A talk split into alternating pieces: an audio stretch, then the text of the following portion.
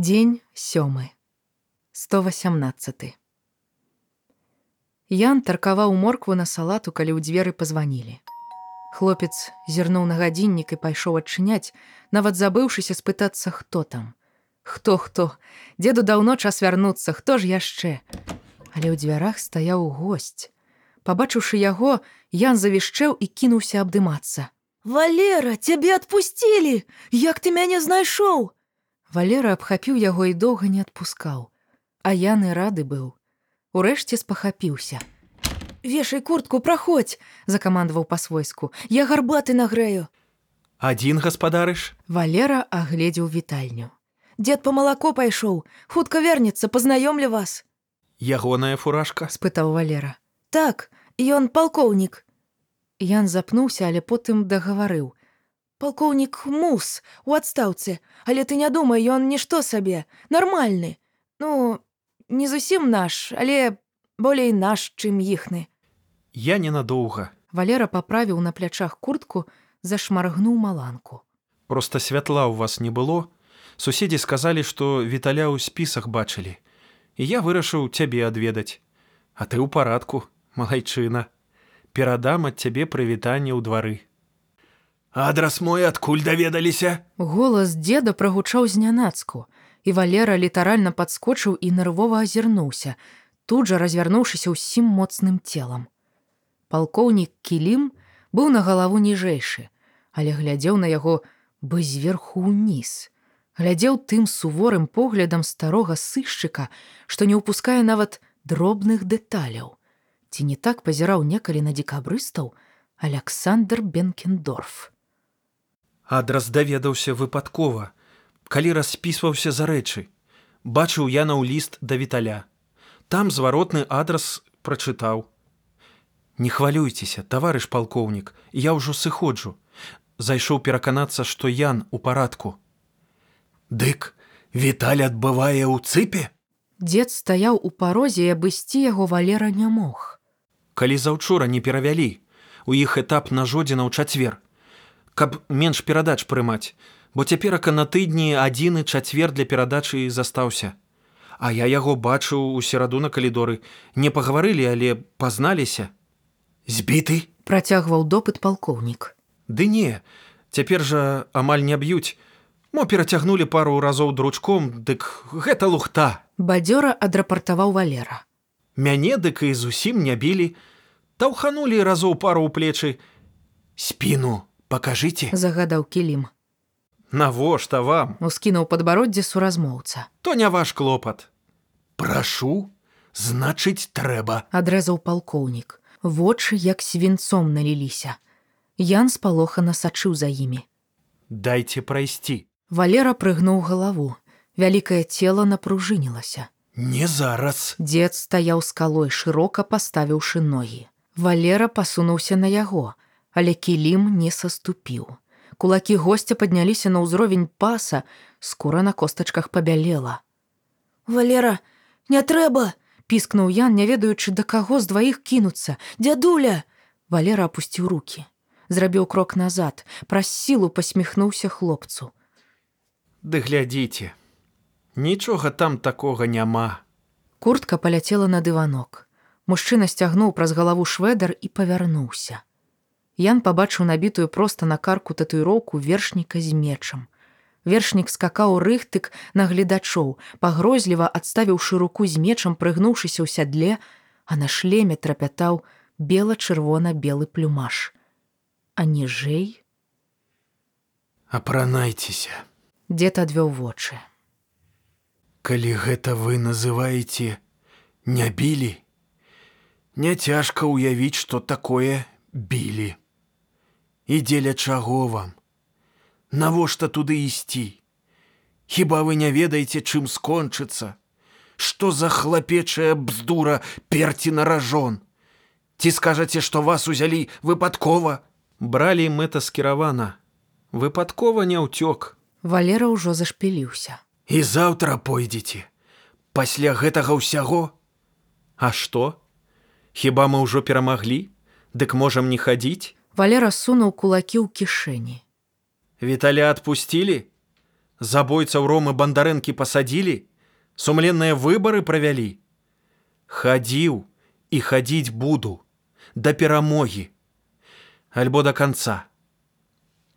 Ці вы там усе такія Дед падбіраў слова. адмарожаныя, праплочаныя, якія?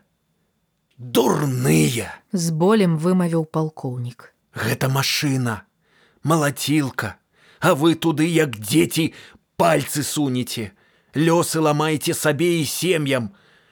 Пасадзяць якога сяржанта, маці бандарэнкі лягчэй стане. Заб'юць віталя, ці вось гэтага падшыванца мне свабода вашая будзе трэба, на халеру. А калі мы спынімся, яны перастануць нас забіваць?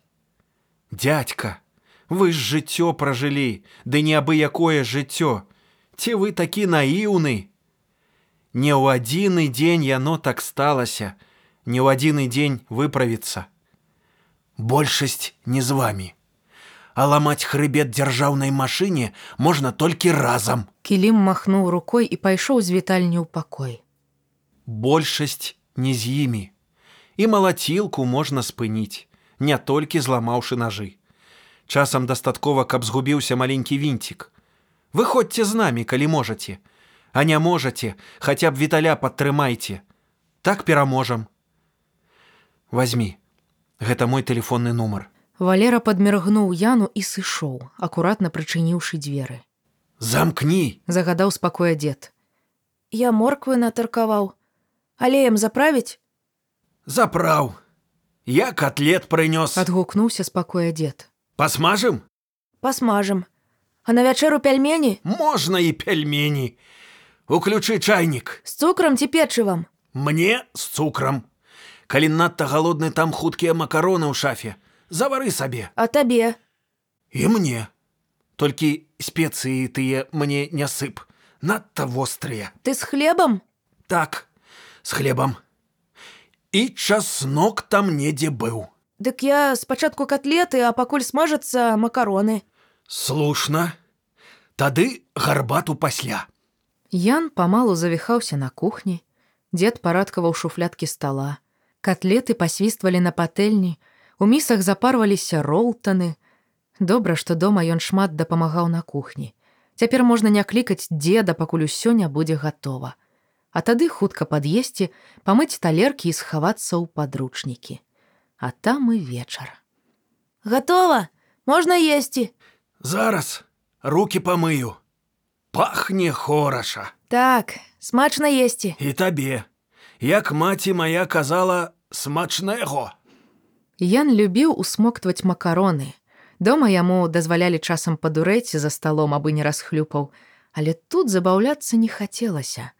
Ён моўчкі жаваў, пазіраючы ў талерку, і думаў, ці даюць бацьку ў пастарунку хоць нешта ўежнае. Значыць, слушна здагадаўся тадэвуш, куды хадзіў дзед у чацвер, пакуль Ян распісваў шпалеры, і што за сумку цягаў з сабой. Хацеў перадаць перадачу, ды, відаць, не ўзялі. Значыць, бацька там жывецца казённым харчам. І калі там гатуюць гэтаксама паскудна, як у іхнай школьнай сталоўцы, Гэтым разам марш пойдзе пад нашымі вокнамі. Я купіў, што трэба, каб заўтра не хадзіць лішняга. Так што галодны сядзець не будзеш. А ты куды? Пятровіча адведаю. Мы з ім па нядзелях у шахматы гуляем. Шахматы? У яго ж галава не варыць. А думаеш, у мяне сяброў сотні паўтары? Ёсць з каго выбіраць? Не, братка, у Пятровіча толькі я. У мяне толькі Пятровіч. Хто першы памрэ, будзе каму згадаць. А другому і слова наўздагон не скажуць.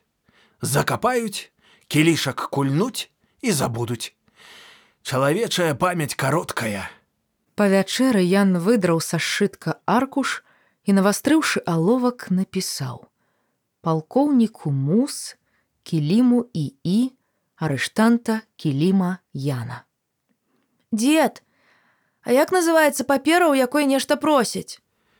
Якія літары вядомыя? Ніякія. Калі за кагосьці просяць хадайніцтва. Калі просяць, каб нешта купілі, заяўка, а так заява. Не адрываючыся ад газеты, адказаў дзед.